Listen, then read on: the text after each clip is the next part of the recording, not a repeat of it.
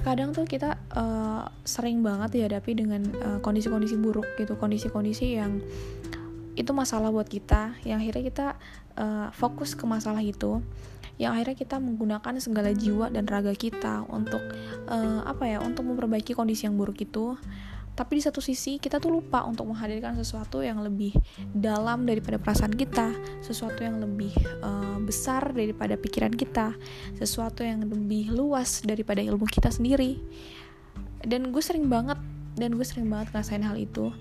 Uh, yang pada akhirnya itu yang bikin kita capek sendiri gitu.